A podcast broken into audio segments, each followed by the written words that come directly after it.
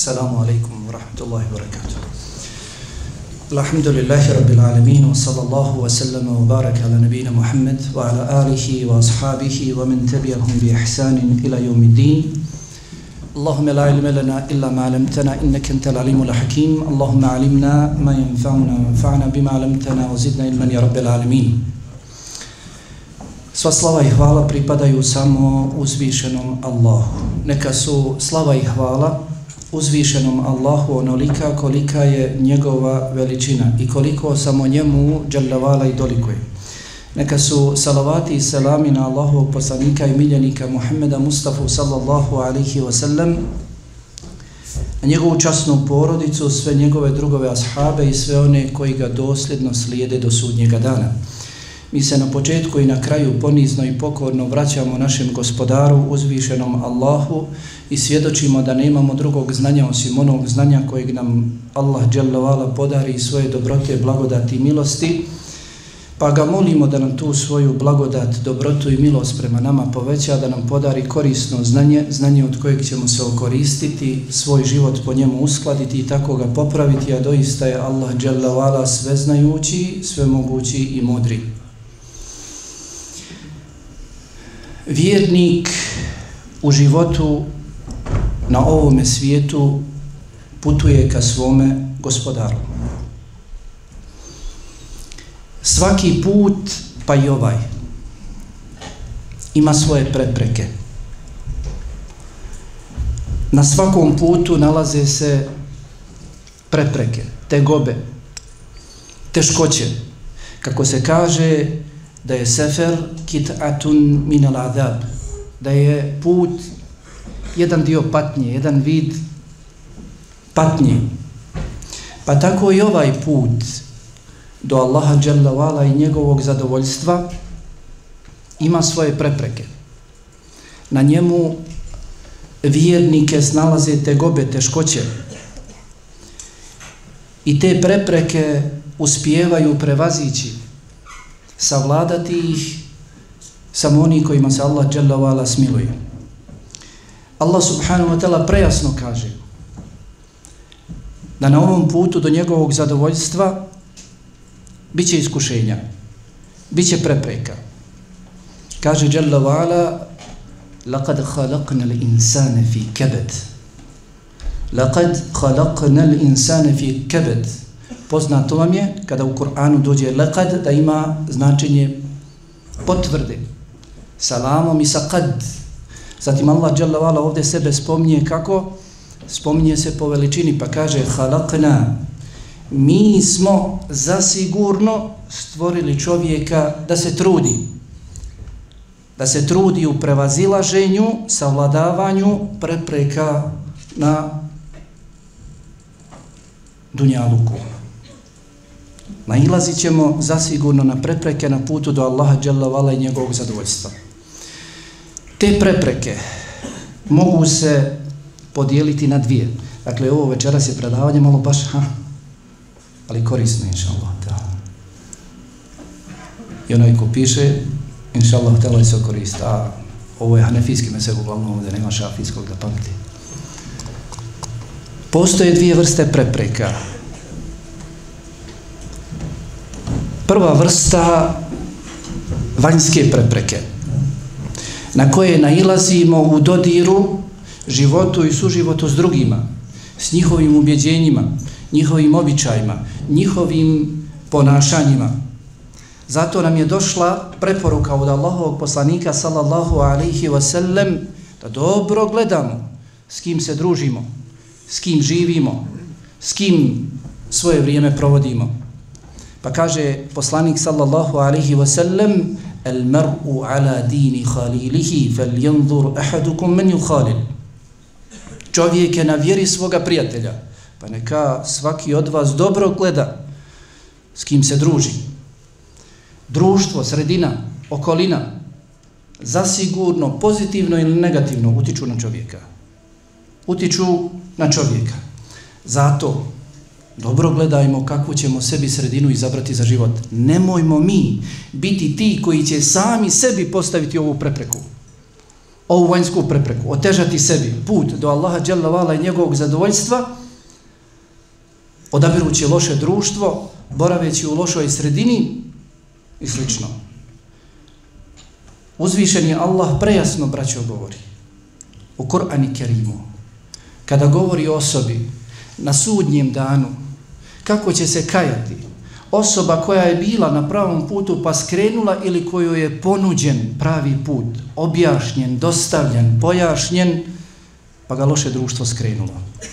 Kaže Jalla wa ala, jevme je abdu zalimu ala jedejih.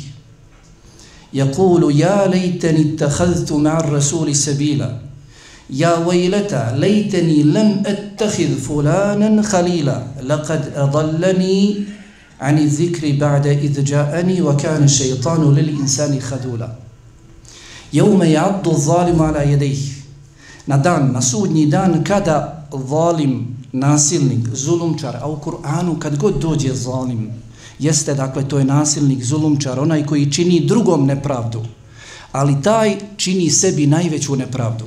Zato se u Kur'anu zalim uvijek, ili dobro bi bilo da se prevodi, onaj koji sebi čini nasilje onaj koji sebi čini nasilje. Valim jeste čini drugom, ali inša Allahu Allah subhanahu wa ta'ala tog drugog kome on čini nasilje će nagraditi, da će mu. Dočim on, taj koji čini nasilje, taj sebi najviše čini nasilje. Pa kaže Jalla u ovom ajetu, na dan kada onaj koji je sebi učinio zulum, nasilje bude jeo, kao od nas je prevedeno prste, ali tako, bude grizao prste, bude jeo ruke, pojeo ruke od muke. I kaže, kamo sreće da sam se poslanika držao, Kamo sreće da tog i tog za prijatelja prisnog Halila nisam uzeo. On me odvratio s pravog puta, on me odvratio od Kur'ana. Kur'an je pravi put nakon što mi je Kur'an bio saopćen. Zato dobro gledajmo s kim se družimo. Supružnici su ti koji najviše vremena, ili trebalo bi da najviše vremena provode jedno s drugim. Zato nam je također došla posebna preporuka – od Allahovog poslanika sallallahu alihi wasallam koga za suprugu izabrati i koga za supruga odabrati. Pa kaže fazfer bidati din teribet jedak uzmi onu koja ima vjeru pa će ti brak biti blagoslovljen. Kod Buhari kod muslima na drugom mjestu kaže starateljima i da ja'akum men tardavne dinehu wa hulukahu fezeviđuh kad vam dođe onaj sa čijom ste vjerom i moralom zadovoljni, oženite ga, oženite ga svojim kćerima. Hm. Pa takve supruge i takvog supruga treba birati, jer najviše provode jedno s drugim vremena ili trebali bi i najviše utiču jedno, jedno na drugo. Zato odaberimo sebi društvo kako bismo odabrali hoćemo li i kako ići do Allaha dželle i njegovog zadovoljstva, njegove, njegove ljubavi, njegovih nagrada pojedini islamski učenjaci ha, kažu da voda, ima učenjaka koji kažu da voda postaje nečista kada stoji dugo vremena pored nečistog. Da voda kada stoji pored nečistog, pored strvne, pored lošeg, da postaje i ona nečista. Voda. Što misliš čovjek? Ma kako bio dobar? Kada dugo vremena živi, i boravi uz lošeg. Će biti dobar vazda? Neko će na nekoga dobro, dobro uticati. Zato odaberimo sebi, odaberimo sebi društvo. Družimo se što je god moguće više s ljudima koji utiču na našu vjeru pozitivno, koji nas popravljaju imanski. Nemojmo misliti da toga nismo potrebni. Nemojmo misliti da imamo sposobnosti da se odupremo iskušenjima koja se nalaze na ovome putu. Nemojmo zaboraviti da su se ashabi iman nijednog od nas ne može se sa najslabijim od njih porediti. Sakupljali u kući erkama i bnerkama. Nemojmo zaboraviti da je poslanik Alihi Salacom svaki dan za vrijeme mekanskog perioda dolazio Ebu Bekru svaki dan dva puta, svaki dan dva puta ujutro i navečer. Poslanik Alihi Salacom nije imao potrebe. Bio je poslanik podržan Melekom, Džibrilom i ostalim Melekima. Podržan objavom, Ali je dolazio Ebu Bekru radijallahu ta'ala ujutro i najveće da se savjetuje, da se savjetuje. Nemoj zaboraviti da je u Medini pobratio muhađire i unsarije da potpomažu jedni druge. Pa Omer radijallahu ta'ala jedan dan ide radi, zarađuje za život, dok njegov sahibija s kojim ga je pobratimio ide uči kod poslanika alaihi salucam. Pa najveće prenosi Omeru radijallahu ta'ala šta je čuo i sutra Omer ide kod poslanika alaihi salatu wasalam. Zato nemojmo stvarati sebi dodatnu prepreku. Nemojmo sebi stvarati dodatnu prepreku na ovome, na ovome putu. Odaberimo sebi čestitu suprugu, odaberimo sebi supruga vjernika, žrtvujmo sve da živimo u vjerničkoj sredini. Vjera je najskupo cijenija, naprotiv nema cijene. Naprotiv nema cijene. Ostavi sve, prodaj sve.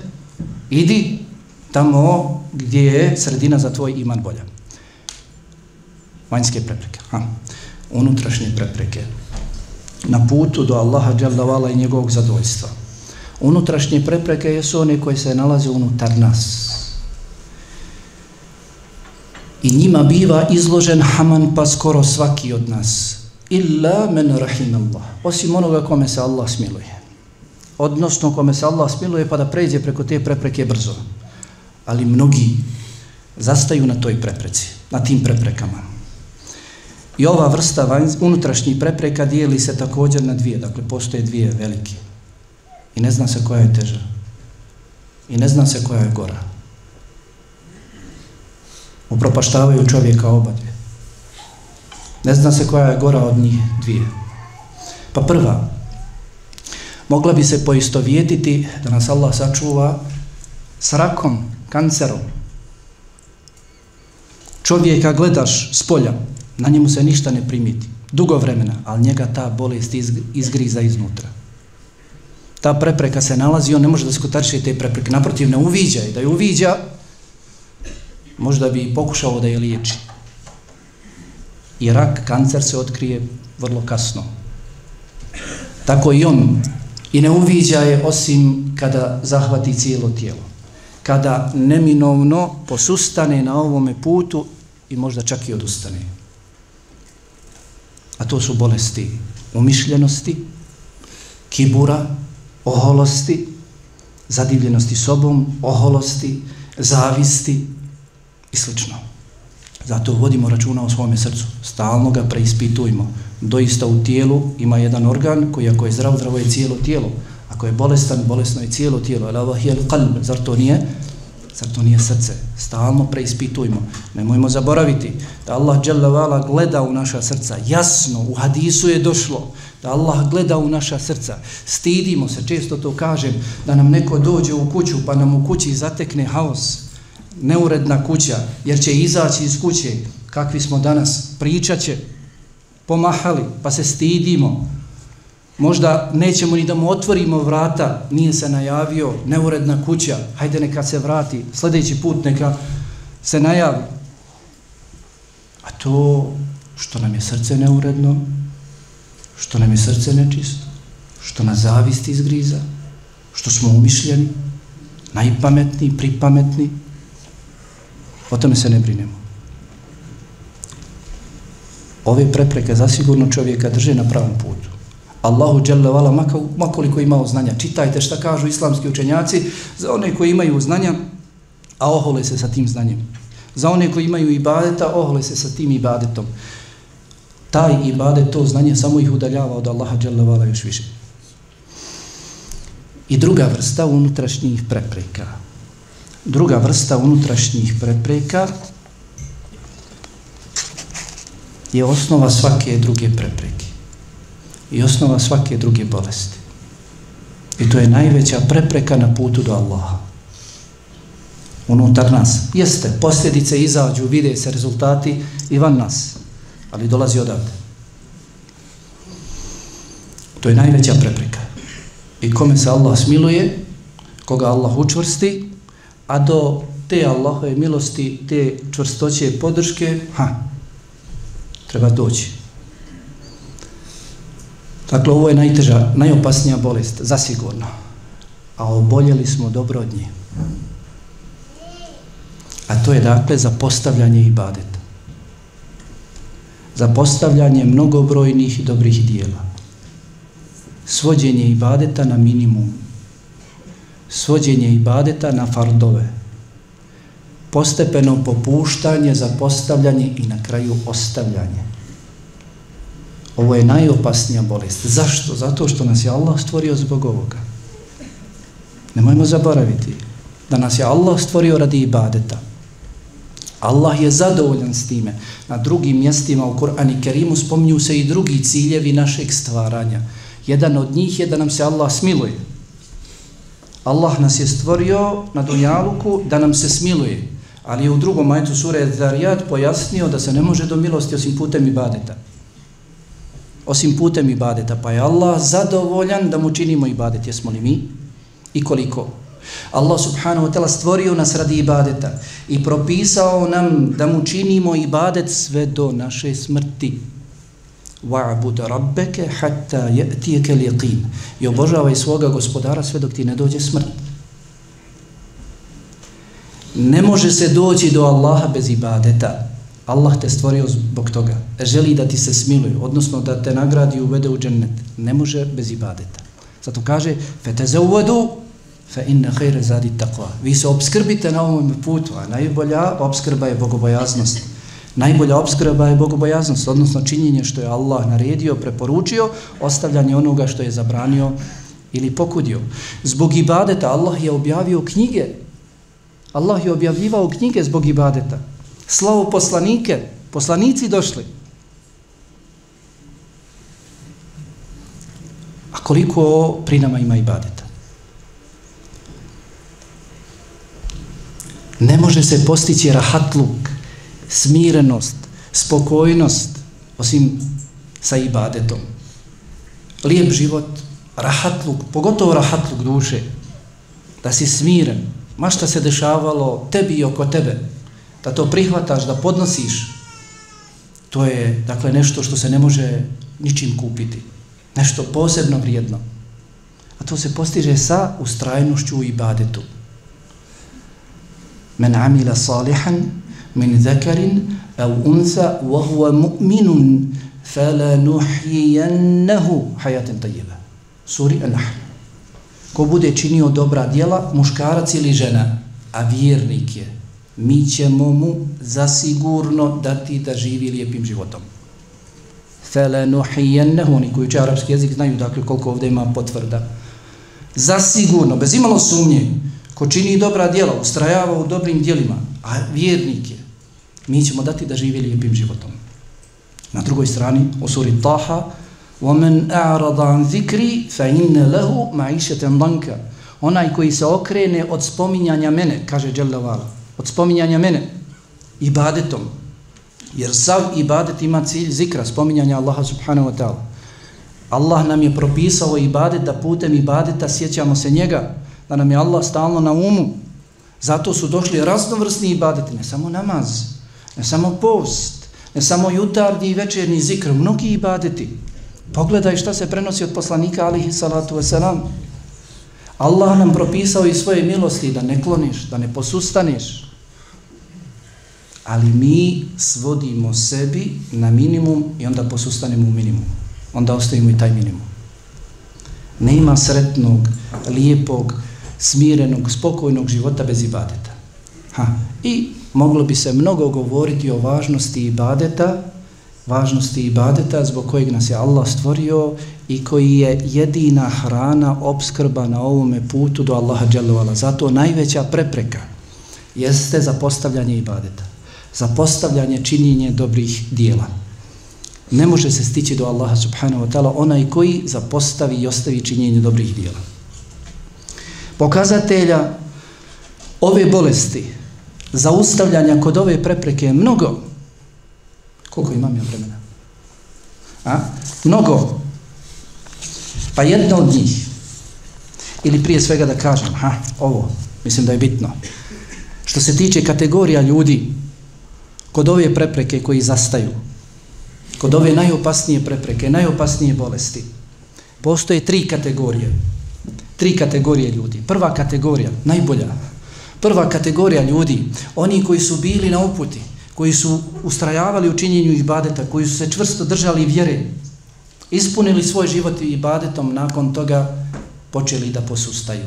Nakon toga počeli da zapostavljaju malo pomalo, ali ustrajno ibadet. Ali ustrajno, neprestano. Ostavljaju jedan, pa drugi, ali ustrajno. I svjesni su oni toga. I žalije se oni na svoje stanje.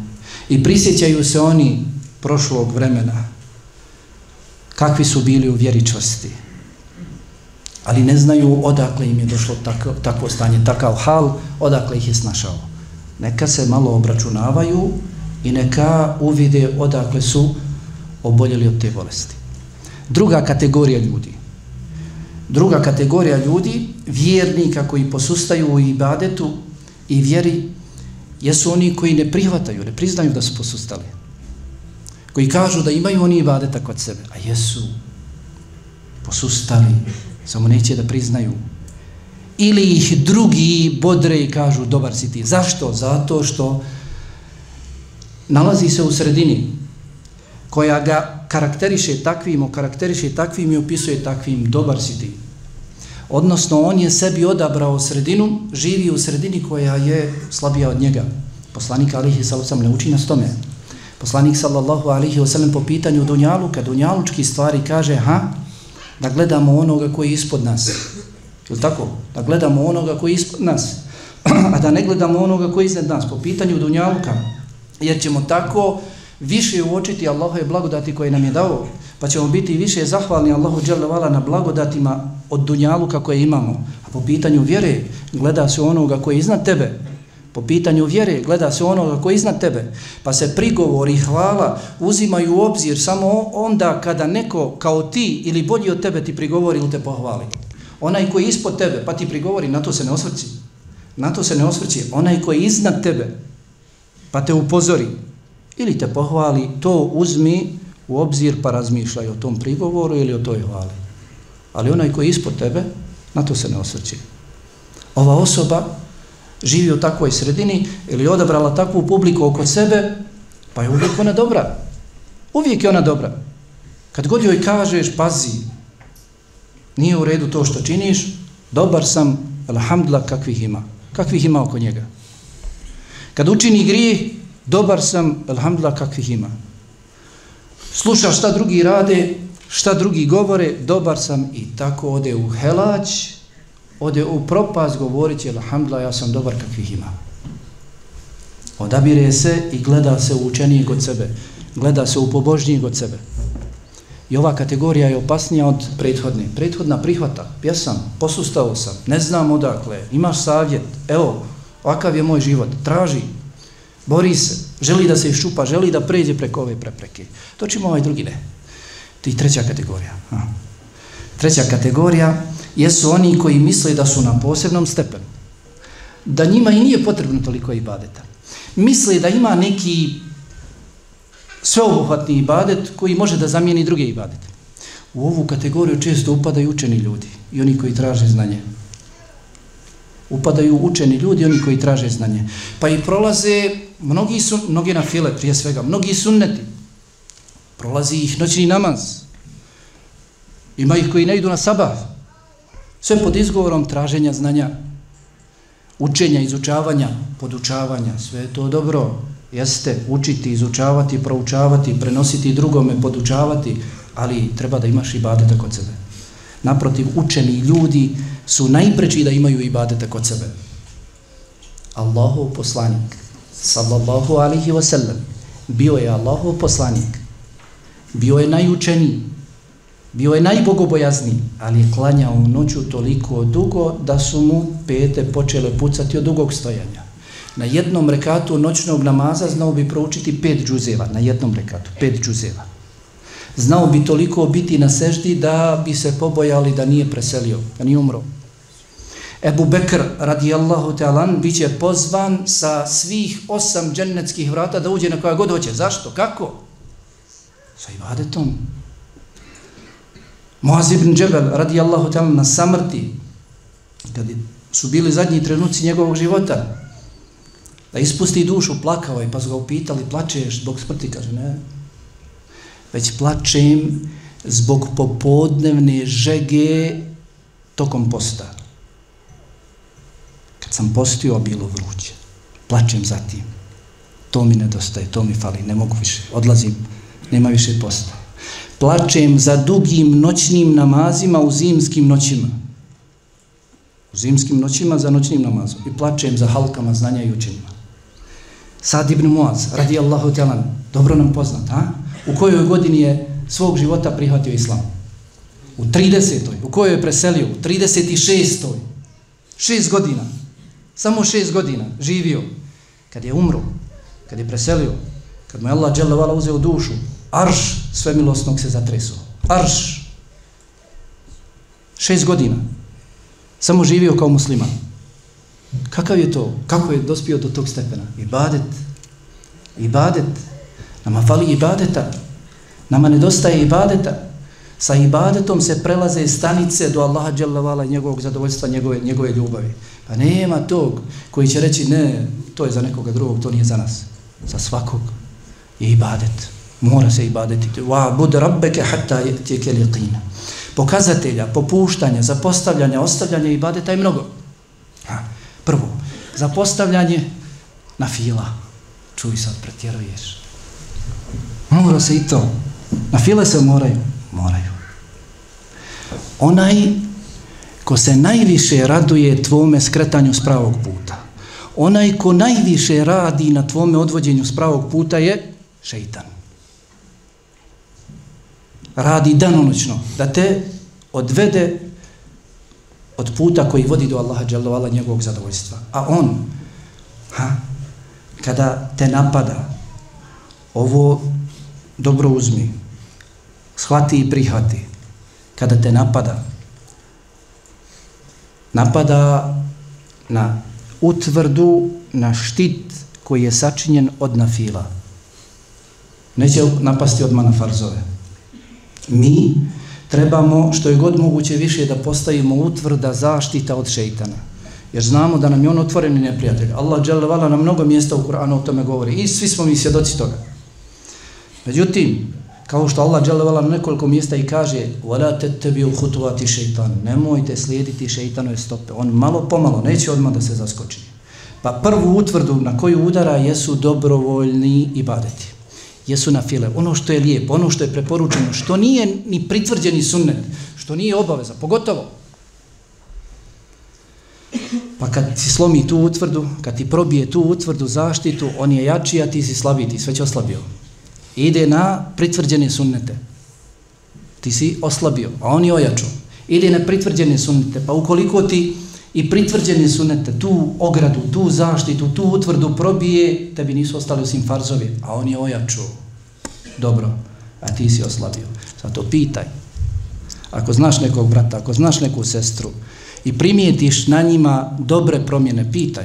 Nisu oni ostavili farzove tek tako. Davno je počelo ostavljanje. Davno je počeo ostavljanje. Pitaj ga za zikrove. Koliko je zikrio? Pitaj ga koliko je. Je li bilo dobrovoljnih namaza? Je li bilo dobrovoljnog posta? Nije.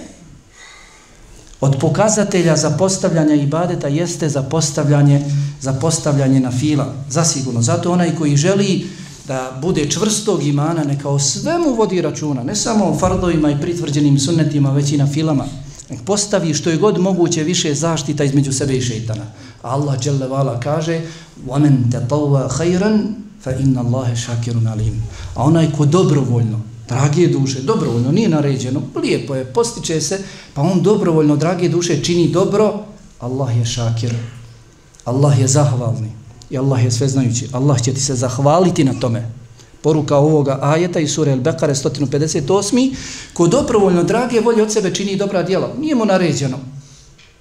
Čak poslanik Alihi Salucam nije u tome ustrajavao, ali nekada je činio. Ko radi od sebe dobrovoljno, drage duše, ne mrzovoljno, pris, pod prisilom, Allah će mu se zahvaliti za to, pa će mu dati ogromnu nagradu od 10 do 700 puta pa i više, pa će mu podariti svoju ljubav. La je zalu abdi je teqarrebu ilije bin nevafil, hatta uhibbe. Zar nije došlo? Neće prestati rob da mi se približuje sa nafilama sve dok ga ne zavolim. Sa nafilama? Nije rečeno s farzovima. S farzo, farzovi su prije spomenuti. Niti sunneti. Na file. Neće prestati moj rob da bi se približava na filama, onom, onim dobrovoljnim što činiš od sebe. A koliko je samo tih na fila? Koliko je samo tih lahkih na fila? Poslanik sallallahu alaihi ve sallam kaže da klanjam dva rekata, draže mi od svega što sunce obasja. Draže mi od dunjalka i svega što je na njom. Njemu draže, a nama? Jel od nas, koliko smo danas klanjali na fila? Kao što kaže, da kažem subhanallah, alhamdulillah, la ilaha illallah, wallahu ekber, draže mi je od dunjalka i svega što je na njemu. Kaže, ko kaže prije nego što sunce izađe i ko kaže prije nego što sunce zađe, subhanallah, stotinu puta. Kao da je udijelio, dao sadaku stotinu deva. Ko kaže, ustrajava u ovome, ovo nije, lah, nije teško, vidi koliko ti uzima vremena. Ko kaže, alhamdulillah, stotinu puta, kao da je stotinu borbenih konja dao u sadaku. Ko kaže, la ilaha illallah, odnosno Allahu ekber stotinu puta, prije nego što izađe, prije nego što sunce zađe, kao da je oslobodio stotinu robova, ko ustrajava u tome. Ako kaže la ilaha illa Allahu wahdahu la sharika lah, lehu al-mulku wa lahu al-hamdu wa huwa ala kulli shay'in qadir stotinu puta prije posle, taj će doći na sudnji dan sa najboljim dijelima osim onoga koji kaže više od njega. Koliko hoćeš? Ali nema kod nas olovke, inače nema. Olovke i papira. Kad je u pitanju dunjaluk, papir i olovka rade, da nam šta ne izostane, da nas ko ne zakine, a ovdje zakidamo sebe i potpomažemo šeitana protiv nas. Redovno. Gdje nam je plan i program? Čekamo da nas neko drugi popravi. Sve su daje uvijek krive. Za sve su daje krive. A gdje nam je program čitanja? Gdje nam je program učenja? Gdje nam je program ibadeta? Imamo mi program za nešto drugo. Zatim osoba koja zapostavlja ibadet zasigurno od pokazatelja od pokazatelja zapostavljanja ibadeta ha? jeste obavljanje ibadeta s tegobom, teškoćom. Kad dođe vakat da ga činimo, teško, kao da je nekakav veliki teret na našim plećama, stavljen, teško. Dočin kada je, čudno, ha? kada je prije radio, mnogo ibadeta bilo lakše. Sada čini malo, teško. Što? Izgubio tjelesnu snagu. Svakako. Zato što tijelo dobiva snagu odavde iz srca, iz duše. Dok je srce živo, dok je duša živahna, dok je srce puno imana, nije problem ništa raditi. Ali kad srce oboli ili kad srce zamre i najmanje je teško. Pa ćeš vidjeti takve ljude da ste gobom, a prisjetimo se ko na takav način obavlja i badet. Hm. Zatim, počesto takva osoba ibadet radi, počesto takva osoba ibadet radi, ona ibadet koji odgovara njihovim prohtjevima strastima, njihovoj, jeli, šehri, prohtjevima strastima, pa ono što odgovara duši, što odgovara prohtjevima strastima, to će učiniti. Jel valja treba malo e, veći napor dati? Ne. Zatim, stalno se pravda, traži izgovor, traži opravdanje, traži pojašnjenje za nečinjenje mnogobrojnih ibadeta, ukoliko ga neko posavjetuje, primijeti, kao da ljuti se, kao da je razotkrio njegove mahane, ne voli da se savjetuje, smatra da nije poželjan. Zatim, takvih osoba više nema na predavanjima, takvih osoba više nema na halkama znanja, jer ne može da čuje ono što želi, neće on svoje dragocjeno vrijeme da troši na predavanja, osobe koje zapostavljaju ibadet od pokazatelja takvih osoba jeste da ih nema na predavanjima. Poslanik sallallahu alaihi wasallam prejasno kaže Men seleke tariqan jel temisu fihi ilma sehel Allahu lehu bihi tariqan ila džene. Koji zabere put da na njemu traži znanje, Allah će mu olakšati put do dženneta. Hoćeš u džennet? Na bilo koji način da tražiš, da tražiš znanje. Nema takvih osoba na halkama znanja. Oni svoje dragocjeno vrijeme provode u sportu, provode u nogometu, provode u izletima, kampovima, planinarenjem, provode februar, mart, oktobar, novembar, ulcinju i slično. Na halke znanja takvih osoba nema. Takva osoba zapostavlja obračun svoj. Nema samo obračuna kod takve osobe. Zašto? Zato što počesto se i zaboravi, ako nije baš često, da je on uopšte na ovom putu. Da on uopšte ide ka Allah. On se ne obračunava. Ne može se braćo napredovati bez obračuna. Sve jedna firma, kada hoće da napreduje, svaka, svaka normalna, pravi obračun, redovno. da vide u proteklom periodu jesu li napredovali ili nazadovali, a mi? Šta hoćeš da postigniš? Kakvu nagradu hoćeš da zadobiješ? Koliki profit da ostvariš? Može li se šta mjeti? Čuo si dva rekata, dva rekata. Subhanallah, alhamdulillah, Allahu akbar, bolje od dunjavka i svega. Ali nema obračuna kod takvih osoba. Takva osoba izbjegava vjernička društva, nema ih ni na vjerničkim društvima onako, skupovima, vjerničkim. Nema stare braće. Oni prema braći i sestrama više ništa ne osjećaju. Nema ih među nama. Poslanik sallallahu alaihi wa sallam obavještava s ovom. Kada kaže, neće se dvojica zavoljeti radi Allaha ili radi Allahove vjere Islama, pa nakon toga razdvojiti, udaljiti jedan od drugoga osim zbog grijeha koji učini jedan od njih dvojice. Neće se dvojica zavoljati i sastati radi Allaha, radi Allahove vjere, a zatim se udaljiti jedan od drugoga, osim zbog grijeha kojeg počini jedan od njih dvojice. Zatim zalazak u sumnjive radnje, nema kod njega više, ha, muštebihat, ono što je sumnjivo, kod njega je sve jasno. On je muftija za sva pitanja. Samo kad treba se na opačke oženiti i ludat, onda se zove Safet ili drugi, šest Safet ili drugi. A za drugo, nema potrebe. Nismo znali da imamo toliko muftija u Bosni. Ulazak u sumnjive radnje, činjenje, i to javno, činjenje malih griha, zatim malo pomalo i velikih, i velikih, i velikih griha. Ovo ne ide na dobro, definitivno. Ovakvo stanje, ovakvi pokazatelji vode u sigurne posljedice. Sigurno loše čeka onoga ko se ne bude liječio od ovih, od ovih simptoma. Duševna rastrešenost, uznemirenost, potrganost. Znao je on kakav je bio njegov hal nekada. Ili oni prvi znaju. Znaju kakav je bio hal. Žale oni za takvim stanjem. Sada se potrgaše, uznemireni. To čim vidiš onoga koji ide redovno na posao, ide u džamiju, ide na predavanja, ide u posjeti braći radi Allaha subhanahu wa ta'ala, pogotovo na predavanja, uči vjeru, da poslije praktikuje, radi i po tome vidiš ga da je smiren, da je daleko od rastrešenosti. Braćo, uzmimo sebi ovo. Ja imam mnogo što da kažem, ali ovo je jedno bitno za nas, da razmišljamo o tome. Hunein, kad se desio Hunein, ha? bitka na Huneinu, znate šta se desilo? Je tako da su muslimani na početku doživjeli poraz? Bilo ih je 12.000, 12.000, pa su se zadivili svojom brojnosti i rekli ovo je skupina koja neće biti pobiđena, 12.000. Pa su ih dočekali mnogobošci, nevjernici. Pa se spominje ogroman broj da se povukao. Ostalo 8 ili 12 sa poslanikom Alehi Salcu od 12.000. Pa Allah dželle vala posle dao, posle dao pobjedu.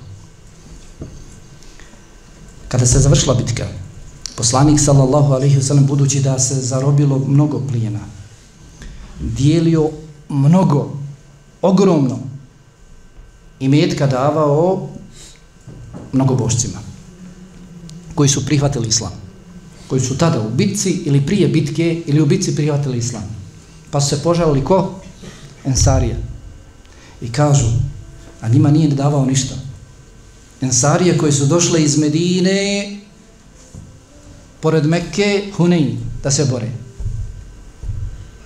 Njima nije dao ništa. A ovamo je dao jednom od onih koji su prihvatili stotinu deva. To je danas stotinu MLO-a. Stotinu Mercedesa. Pa je omladina među ensarijama počela da govori. Šta? Kažu, pogledaj, poslanik Alihi sam daje im toliko, jednom od njih, a s naših sablji još uvijek kapa njihova krv, a nama ništa ne daje.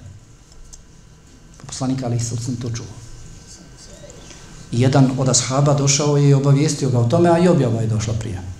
Pa kaže, sakupi ih pa ih je sakupio i poznat vam je to da je pitao ih određena pitanja. Na kraju kaže, o ensarije, zar niste zadovoljni da se oni svojim kućama vrate sa imetkom kojeg su dobili, a da se vi svojim kućama vratite sa Allahovim poslanikom, sallallahu alaihi wa sallam, pa su zaplakali i počeli da govore radina, radina, radina, zadovoljni smo. Braćo, nemoj da se žalimo, da nam bude teško, to što se drugi ljudi svake veče vraćaju u svojim kućama sa imetkom. Ti se trudi da se vratiš svojoj kući na veče sa poslanikom, alihi sallam, sa vjerom, da se vratiš sa hadisima poslanika, sallallahu alaihi sallam, da se vratiš sa onim sa čime on došao, S tim se ne može ništa porediti. Zato imam Tirmizi, rahimehullahu ta'ala, učenik Buharije, je tako, rahimehullahu ta'ala, zato se kaže, ko želi da razumije Buhariju, neka čita sunen Tirmizije, jer je bio njegov učenik. I tamo što Buharija nije pojasnio ili Buharija nije imao kad vremena da pojašnjava, pisao skraćeno, maltene, imam Tirmizije to pojašnjavao svome sunenu. Kada je napisao sunen, rekli su u čijoj kući se bude nalazila ova knjiga, zbirka sunen Tirmizi, kao da se nalazi poslanik, sallallahu alaihi wasallam. Kao da je u toj kući poslanik koji govori, Hm? Pa gledajmo da se vraćamo s tim našim kućama. Duševna rastrešenost, slabost u tijelu, kako rekao, ne samo da će biti duša uznemirena, već će i tijelo oslabiti. Već će i tijelo oslabiti zato što snaga dolazi iz duše, snaga dolazi iz srca. Pogledaj dede i naše nene, kako svaku veče u mjesecu Ramazana idu na teraviju, a braća šaraju. U zadnjoj trećini ima deda koje spajaju teravih namaz sa noćnim namazom, klanjaju. Kada predaju selam, kad se završi teravih namaz, ustanu odu u ćošak, džamije u ugao i klanjaju do teravih namaz, do noćnog namaza. U džamijama u kojima se klanjaju noćni namaz posljedno. A mi pijemo kahve, pa spavamo. Na sabahu rijetko kojih od nas može preteknuti. Da dođemo prije njih. Zašto? Zato što oni obavljaju to dugo ustrajavaju u tome, makako njihove kosti oronule, tijelo oslabilo, ali oni imaju godine i iza sebe, zato im ništa nije teško. Zato im ništa nije teško. Oni prvi, kad god ih šta upitaš, kažu, alhamdulillah, Hamza, ne žali se ni na što. Kaže mi, nemamo se na šta žaliti, ne smijemo se žaliti. Lijepe, lijep primjer spominje se, i kod Ibn Kajima i kažu kod Ibn Džauzija, rahimahullahu ta'ala, primjer, ha, bor kako raste 30 godina. Dana raste nekih 6 metara. Jel tako? A koje se drvo spominje kao drvo koje najbrže raste? Hm? Ha? Tikva. Šta se uvozi sad u Bosnu mnogo? Pogotovo gore u krajini. Paulovnija. Ha? Drvo, paulovnija ima ga. Ono za vrlo kratko vrijeme naraste u tu visinu. Pa Ibn Dževzi govori o tome. Ibn Kajim također. Pa ova Paulovnija kaže Boru, pogledaj, ti 30 godina raste 6 metara, a ja za godinu narastem, isto smo veliki. Iste smo visine. Kaže, sačekaj jesenske vjetrove. Sačekaj kad puhnu iskušenja. Kada dođu iskušenja, sačekaj pa ćeš vidjeti ko je velik. Jesi li ti ili ja? Ko je ustrajavao u ibadetu, ko se čeličio u ibadetu, ko će opstati na iskušenjima. Dakle, neminovno od posljedica zapostavljanja i ostavljanja ibadeta jeste nesnalaženje u iskušenjima. Takve osobe ne mogu se snaći u iskušenjima. Zar da čine ibadete u iskušenjima, a nisu radili prije? Eh, zato poslanik Alihi sam šta kaže? Da je ibadet u vremenu iskušenja poput hijđre njemu. Poput hijđre njemu. Ali do tog ibadeta u vremenu iskušenja ne može se doći osim preko ibadeta prije. Zato je rekao požurite sa dobrim dijelima. Požurite sa ibadetom prije nego li nastupe fitne iskušenja koje će biti mrkle, tamne poput, poput mrkle, mrkle noći. Zatim od posljedica zasigurno jeste da će se početi činiti da će se početi činiti i grijesi takva osoba će početi činiti grijehe. Zapostavlja i badete na drugoj strani za, e, čini grijehe, jer duša ne miruje. Ako dušu ne uposliš u hajru, ona će tebe zasigurno uposliti u, u grijesima. Ono što je najbitnije, gubljenje Allahove podrške. Ko zapostavlja ibadet, gubi Allahovu podršku. Ibadet je glavna veza naša, ili jedina veza između čovjeka i Allaha. Ibadet i sve što je manje ibadeta, ta veza sve više i više tanja. i bojati se da pukne. Kada os, zapostavi se ibadet, kada se ostavi ibadet i ta veza puca. I ta veza puca. Pa se gubi podrška. Kako da se snažiješ u iskušenjima? Kada te Allah dželle vala napustio. Pravedno. Jer si ti ostavio ibadet. Zato što je rekao Imam Ahmed rahimahullahu ta'ala prelijepe riječi. Hm? Kaže, ko voli, ko želi da mu Allah daje ono što voli, da mu daje lijep život, da mu daje potomstvo, da mu daje imetak, neka on daje Allahu ono što Allah voli. Ko želi od ljudi da mu Allah daje ono što voli, on, čovjek, neka i on daje Allahu ono što Allah voli. Zato dobro vodimo računa sa gubljenjem ibadeta, sa zapostavljanjem ibadeta gubimo Allahovu podršku, braćo, sve u Allahovoj podršci. Nemojmo misliti da mi nešto možemo da mi možemo svojim znanjem, da mi možemo svojim marifetlucima, da mi možemo svojim sposobnostima, mi ništa ne možemo. Sve je do Allahove podrške, do Allahovog teufika. Koga Allah podrži, blagoli se njemu. Ali Allah podržava onoga ko ide ka Allahu subhanahu wa ta'ala, komu se približi, s kim je Allah, uz koga je Allah sa svojom podrškom, sa svojom pomoći, on sa onim ko je uz Allaha. Ko čuva Allaha i Allah čuva njega. Ko čuva vjeru i vjera čuva njega. Ibadet čuva njega. Ko čuva svoj ibadet? Zato, ako hoćeš da vidiš da li te Allah podržava, da li te Allah pomaže, koliki je tvoj ugled kod Allaha, da li te Allah voli, samo pogledaj u svoja dijela koja činiš. Samo pogledaj u svoja dijela koja činiš. Kaže Ibn Kajim, rahimehullahu ta'ala, ko želi da vidi svoje mjesto kod šefa na poslu. Neka vidi kojim ga je poslom šef zadužio. Ko želi da vidi koliko ga šef cijeni na poslu, neka vidi samo posao kojim ga je zadužio. Ako si povjerljiv, ako si pouzdan, ako si dobar radnik, možda si čak zamjenik direktora, šefa. Ako nisi, onda možda tamo negdje iza vrata. Možda neke najmizernije poslove. Ako želiš da vidiš svoj položaj kod Allaha, pogledaj samo u dijela kojima si se zaposlio. Kojima si se zaposlio. Da li te Allah podržava u ogromnim dijelima ili ne? Ha. Gubljenje podrške od Allaha subhanahu wa ta'ala ugleda položaja kod Allaha i kod ljudi. Ko izgubi ugled kod Allaha, izgubit će ugled i kod ljudi koga Allah zavoli, pozove Džibrila pa kaže Džibril, ja volim tog i tog groba, pa ga voli i ti, pa izađe Džibril i pozove sve stanovnike nebesa, sve meleke i kaže o, lju, o stanovnice nebesa, Allah voli tog i tog groba, volim ga i ja, pa ga volite i vi, pa ga svi zavoli, pa se ta ljubav spusti na zemlju. Hadis ima i drugu stranu, koga Allah zamrzi, pozove Džibrila i kaže Džibril, ja mrzim tog i tog. Mrzi ga i ti.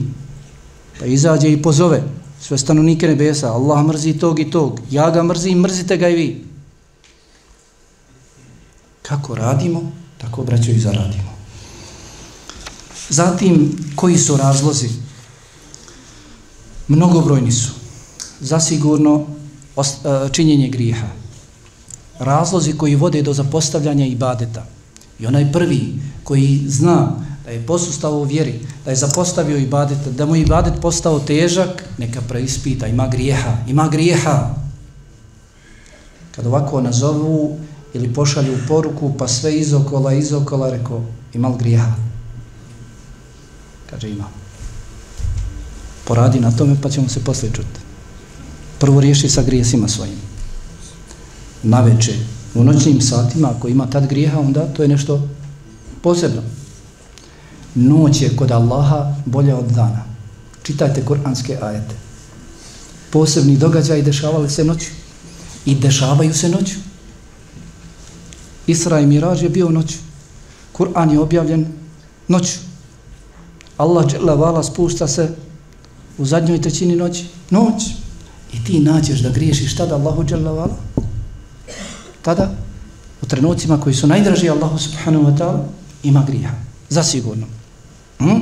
Pa grijesi su razlog zasigurno koji vodi do zapostavljanja i ostavljanja ibadeta mnogobrojnih dobrih dijela. I čitajmo govore Selefa šta su govorili. Sufjane Sevri kaže, zbog jednog griha pet mjeseci nisam mogao ustati na noći namaz.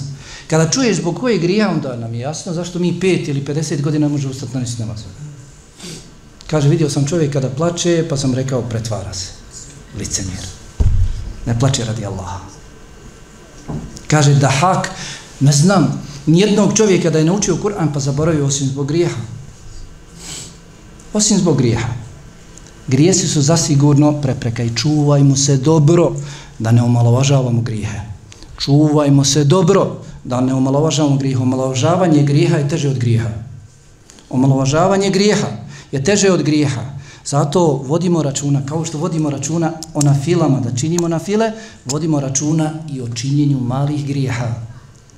Jer mali grijeh, grijeh po grijeh, grijeh po grijeh, sagore čovjeka. Kako kaže poslanik Alihi Salzan, spominje se primjer, kada putuje skupina ljudi, pa nakon dužeg putovanja odsjednu, hoće da sebi spreme hranu, pa se razlete i traže, ha, traže grančicu, grančicu, jedan, drugi, treći, donesu mnogo, potpali sebi spreme hranu sa grančicom. Jedan došao s jednom, drugi došao s drugom i zapale vatru i naprave sebi ručak. Isto tako, grijeh po grijeh, grijeh po grijeh, grijeh po grijeh. Kaže se da je za male grijehe zadužen poseban melek. I kažu učenjaci, ako je poseban melek zadužen za male grijehe, onda, onda je to nešto posebno. Ne treba i ne smije se to omalovažavati. Hm. Zatim, zasigurno, pretjerivanje u dozvoljenim stvarima, kako bi jel spomina izleta, kampova, sjela, po aščinicama, ćevabđinicama, srdalinke, i ostalo, telefoni, društvene mreže, lajkovi, srculencat, probušena, slomljena, ovako, onako, nije ni čudo što nema vremena za ibadeta. Nije ni čudo. Kad pretjerujemo u dozvoljnim, niko nije rekao da je to zabranjeno, da ideš, da se odmoriš i treba s vremena na vrijeme, da čovjek malo dadne i svome tijelu pravo, ali pretjerivati u tome.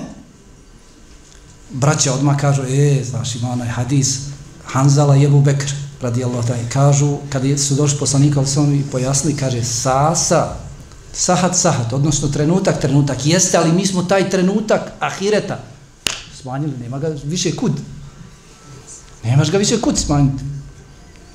Kad govoriš o namazima i njihovoj dužini, e, kaže, znaš, onaj hadis, kad je došao ashab i požalio se poslaniku, alihi sallam, da ne ide na vrijeme na sabah, da kasni, da propušta početni tekbir, sabah namaza, početak sabah namaza zbog onoga što uči dugo na... I oni time argumentiraju, halo Bog, pa mi učimo kulu Allahu ehad. Felek nas se uči na, na, na, na sabahu, rijetko da se uči nešto duže. I ti sad dođeš da to smanjiš još? Ha. Zapostavljanje samoobračuna, braćo, samoobračun, samoobračun, zasigurno, vodi do popravljanja stanja, vodi do uviđanja problema, manjkavosti, propusta, grijeha, zapostavljanja dobrih dijela, samoobračun, samoobračun, samoobračun i svjesnost o Allahovom nadzoru ponajviše nakon Allaha dželovala odgajaju čovjeka koji ima obračun pri sebi što je god moguće češće i koji je svjestan Allahovog nadzora, to čovjeka najbolje, najbolje odgaja. Zatim, siguran razlog za postavljanje ibadeta jeste i ubjeđenje pripametnih da nije potrebno mnogo ibadeta. Ne trebaju na file. Neće Allah za to pitat. Neće Allah nas za to obračunavat. Dosta, hođa, na betonu smo, skrati, ne trebamo se podučavati i tome. Dosta je, ja sam zadovoljan svojim stanjem, s onim što imam. A poslanik alihi sallam i njegovi ashabi, zato ih je Allah i dao da budu uz njega da smo mi ko oni, dalo bi da živimo mi uz njega. Oni nismo. Zato su oni selef, kažemo, naši prethodnici. A mi smo halef. Mi smo oni koji smo došli, došli poslije. Od razloga popuštanja, zapostavljanja i badeta jeste zadovoljstvo sa stanjem u kojem se nalazimo. Smatramo da smo dobri i nikada se nećemo preispitati, otići doktoru, liječniku, ha, da vidimo jesmo li obolili, jesmo li bolesni. Siguran razlog zapostavljanja ibadeta jeste neposjedovanje svijesti o bitnosti ibadeta, o važnosti, o važnosti ibadeta. Neposjedovanje znanja, svijesti o šeitanskim spletkama. Šta želi šeitan? Ha. I mnogo je tih, dakle, još mnogo je tih razloga. Kako liječiti? To nam je najbitnije. Udaljiti se od grijeha, ustrajavati u svakodnevnim dobrim dijelima i badetima, sebi napla, napraviti plan i program zikrova koje možemo učiti, dobrovoljnih ibadeta koje možemo klanjati i nikada ne smatrati da smo nešto posebno učinili. Kada predamo selam, završimo sa najboljim ibadetom, ibadetom kojeg je Allah propisao 50 u toku dana i noći i svoje ljubavi prema njemu, iz njegove bitnosti, bitnosti namaza, kada predamo selam, kažemo estagfirullah, estagfirullah, estagfirullah, da se ne uzneseš, da se ne poneseš, da priznaš svoju manjkavost, da si potreban tog i takvog ibadeta koliko hoćeš. Prethodnici, Allah spominje u Kur'anu, takvi trebamo biti i mi, napraviti program sebi za to. Noću su dugo klanjali i opet bi prezoru istikfara, istikfara činili. Tražili oprosta od Allaha subhanahu wa ta'ala, smatrali se manjkavim. A mi ne smijemo smatrati da smo, da smo dobri. Elhamdulillah, dobar sam. Hmm. Kad pogledaš malo u šeha Safeta i slične njemu, ali eto, on je dovoljan, onda reci, ha, kakav si. Zatim praćenje i iskorištavanje sezona i badeta. Obavezno, obavezno sezone i badeta. Da bismo za njih znali, moramo ići na halke. Da nas ne prolaze te sezone i badeta. Da iskoristimo, jer tada mnogi i badete, pa je lakše nekako zajednički. Hm? Jer tada Allah subhanahu wa ta'ala posebno nagrađuje, pa se otvori srce, bude nekako lijepo duši, a tada se čovjek imanski jača i posle tih sezona bude jači u imanu. Izađe sa ogromnim dobrim dijelima, navikne se za taj mjesec ili za tih šest, deset dana, koliko? Navikne se, zato obavezno iskorištavati takve sezone. Udaljite se od svakog pretjerivanja i u dozvoljenim dunjalučkim dijelima i udaljiti se od pretjerivanja u vjeri. Ustrajavati u onim dijelima, ustrajavati u dijelima. Uzmi sebi dijela i radi ih, razna, mnoga dijela. Radi ih, makar ona bila mala, jer Allah takva dijela najviše voli. Najviše voli dijela u kojima se ustrajava. Ne mala, već dijela u kojima se ustrajava. Ako možeš, uzmi ogromno. Ako možeš ustrajati. O, Abdullah, nemoj da budeš kao onaj koji je klanjao i klanjao, zatim ostavio. Kako kaže poslanik alihi salatu wasalam, ostavio, kako kaže Abdullah ibn Amr na kraju, kamo sreće da sam uzeo tri dana posta, ha? Pa sam uzeo tri dana posta u toku mjeseca. Kada je rekao jedan dan postim, drugi dan ne postim, pa Abdullah ibn Amr ibn As radijallahu anhuma kao i svaki čovjek snalazila bi ga bolest, išao bi na putovanje, zbog čega nije mogao da posti, ha? ali kada bi se vratio s putovanja, ili ha? kada bi ozdravio, onda bi postio dan za dan. Postio bi svaki dan. Ne bi više postio Davudov post. Postio bi dan za dan da stigne ono propušteno. Govoreći, ostavio me poslanik Alihi Salucam na ovome. Preselio je, a ja sam dan postio, dan nisam postio, sam Davudov post. I hoću da odem sa ovoga svijeta na takav, na takav način. Hm. Obavezno druženje sa dobrim vjernicima druženje sa dobrim vjernicima koji nas svojim riječima, svojim dijelima, svojim savjetima popravljaju. Popravljaju našu, našu vjeru. Iščitavanje životopisa Allahovog poslanika sallallahu alihi wasallam, njegovih ashaba, prepuna su kazivanja kako su oni e, činili ibadet, svoj život, dakle, ispunjavali ibadetom, kako su oni prevazilazili iskušenja, nedaće koje su ih snalazile i slično učenje znanja, traženje znanja, obavezno, na bilo koji način. U hadisu, ako si obratio pažnju, došlo je men seleke tariqan, jel temisu fiha ilma, tariqan, došlo je neodređeno, koji zabere bilo koji put da na njemu traži znanje, jeste, najbolje čak islamski učenjaci poneki spominju oštar govor. Najbolje je da čovjek dođe pred noge učenog, sjedne u halku i da traži znanje. Ali nismo to svi u mogućnosti. Pa na bilo koji zna, način, na bilo koji put da tražiš znanje, da povećavaš svoje znanje po kojem ćeš raditi obavezno, nego milati samo informacije da bi se s njima raspravljao, da bi dokazivao svoje znanje i ostalo, ne. Već dakle, da bi radio bilo koji put, način da se okoristiš. Ha? to te vodi ako Bog da do dženeta. Pa, dakle, traži znanje, zapisuj, čitaj, slušaj, ono što ti nije jasno, nazovi ili otiđi na halku, potrudi se. Mi se sjećamo prije 20, 25 godina hađija možda, Išlo se po 100 km na predavanje. Sada 5 km. Ma kakvi? Možda ni kilometar. Ako se prenosi direktno, kuća, pored, ne, bit će. I onda mora da dođe do zapostavljanja ibadeta. Jer je znanje život srca. Znanje je život srca. Srce živi s tim. Allah dželevala nikad nemojmo zaboraviti. Allah dželevala kada je želio da promini svoje stanje. Jesi bolestan? Jesi zapostavio vjeru? Jesi posustao u vjeri? Hoćeš da se promijeniš? Aha. Allah dželevala kada je htio da promijeni stanje. Šta je uradio? Džahilijet kad je bio. kada je htio Allah dželevala da mijenja stanje. Šta je uradio? Objavio knjigu. Bez knjige se ne može mijenjati stanje. Bez knjige ne možeš mijenjati svoje stanje. Objavio knjigu i otpočeo je sa ikra, uči. Bez znanja ne možeš da mijenjaš svoju situaciju. Bez knjige, učiti, čitati, izučavati, proučavati, ne može se popraviti, promijeniti svoje, svoje stanje. I definitivno, moram to spomenuti na kraju džaba, iako mi stalno prigovaraju, ha? sjećanje na smrt.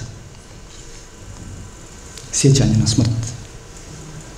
I kod nas ne zna kada će umrijeti, kada će preseliti. Omrknuo je, ne zna hoće li osvanuti. Sutra osvane, ne zna da li će zanoćiti. Pa maksimalno iskoristi svoj život. Iskoristi svoj život prije nego ti dođe smrt. Iskoristi svoju mladost prije nego li ti dođe, prije nego li ti dođe starost. Razmišljaj o smrti. Razmišljaj o kaboru. I onome što te čeka u kaboru. Kaka, kakvog insana želiš da boravi s tobom u kaboru. Jer tako je došlo u hadisu. Ta osoba kada umre ide u kabor nakon što mu se vrati duša pitaju ga meleki tri pitanja po kojima se mora živjeti na Dunjalku da bi se dao odgovor zatim nakon pitanja i odgovora dolazi čovjek neznanac izaberi koga želiš da ti dođe lijep insan lijepog lica, nurli lica sa lijepim mirisom i da boravi uz tebe do proživljenja. Ili suprotnog da ga ne opisujem kakav je. Pa će reći ja sam tvoje dobro dijelo, a onom drugom će reći ja sam tvoje loše dijelo. Izaberi. Koga hoćeš za druga? Koliko će potrajati do kijameta, Allah ne bilje zna. Razmišljaj o tim trenucima. Razmišljaj sutra kada izađeš pred svoga gospodara Allaha subhanahu wa ta'ala. Šta će biti s tobom? Razmišljaj. Kako razmišljaš i o džehennemu? Razmišljaj isto i o džennetu. Koliko će Allah subhanahu wa ta'ala nagrađivati svoje pokorne, pokorne robove. Ne zaboravimo naš cilj na dunjavku. Allah nas je stvorio zbog ibadeta. To je naš cilj. Ne zaboravimo da onoliko koliko ibadetimo Allahu, da toliko poštujemo Allaha. Ne zaboravimo da onoliko koliko ibadetimo Allahu, da toliko poštujemo, volimo svoga gospodara Allaha subhanahu wa ta'ala. Kakvi budemo tokom života, tako ćemo iskončati svoj život. A kako skončamo svoj život, tako ćemo biti i proživljeni. Molim Allaha dželle da nas učvrsti na njegovom putu, da nas učini boljim vjernicima, da nas pomogne da nam ojača iman, da nas uputi na istinu i pridržavanje za istu, da nas udalji od neistine, od zla i svega lošeg. Molim ga subhanahu wa ta'ala da nas učini njegovim iskrenim vjernicima i istinskim sljedbenicima njegovog poslanika Muhammeda sallallahu alaihi wa sallam. Subhanaka Allahumma hamdika shahadu an la ilaha illa anta astaghfiruka wa atubu ilaik. Assalamu alaikum wa rahmatullahi wa barakatuh.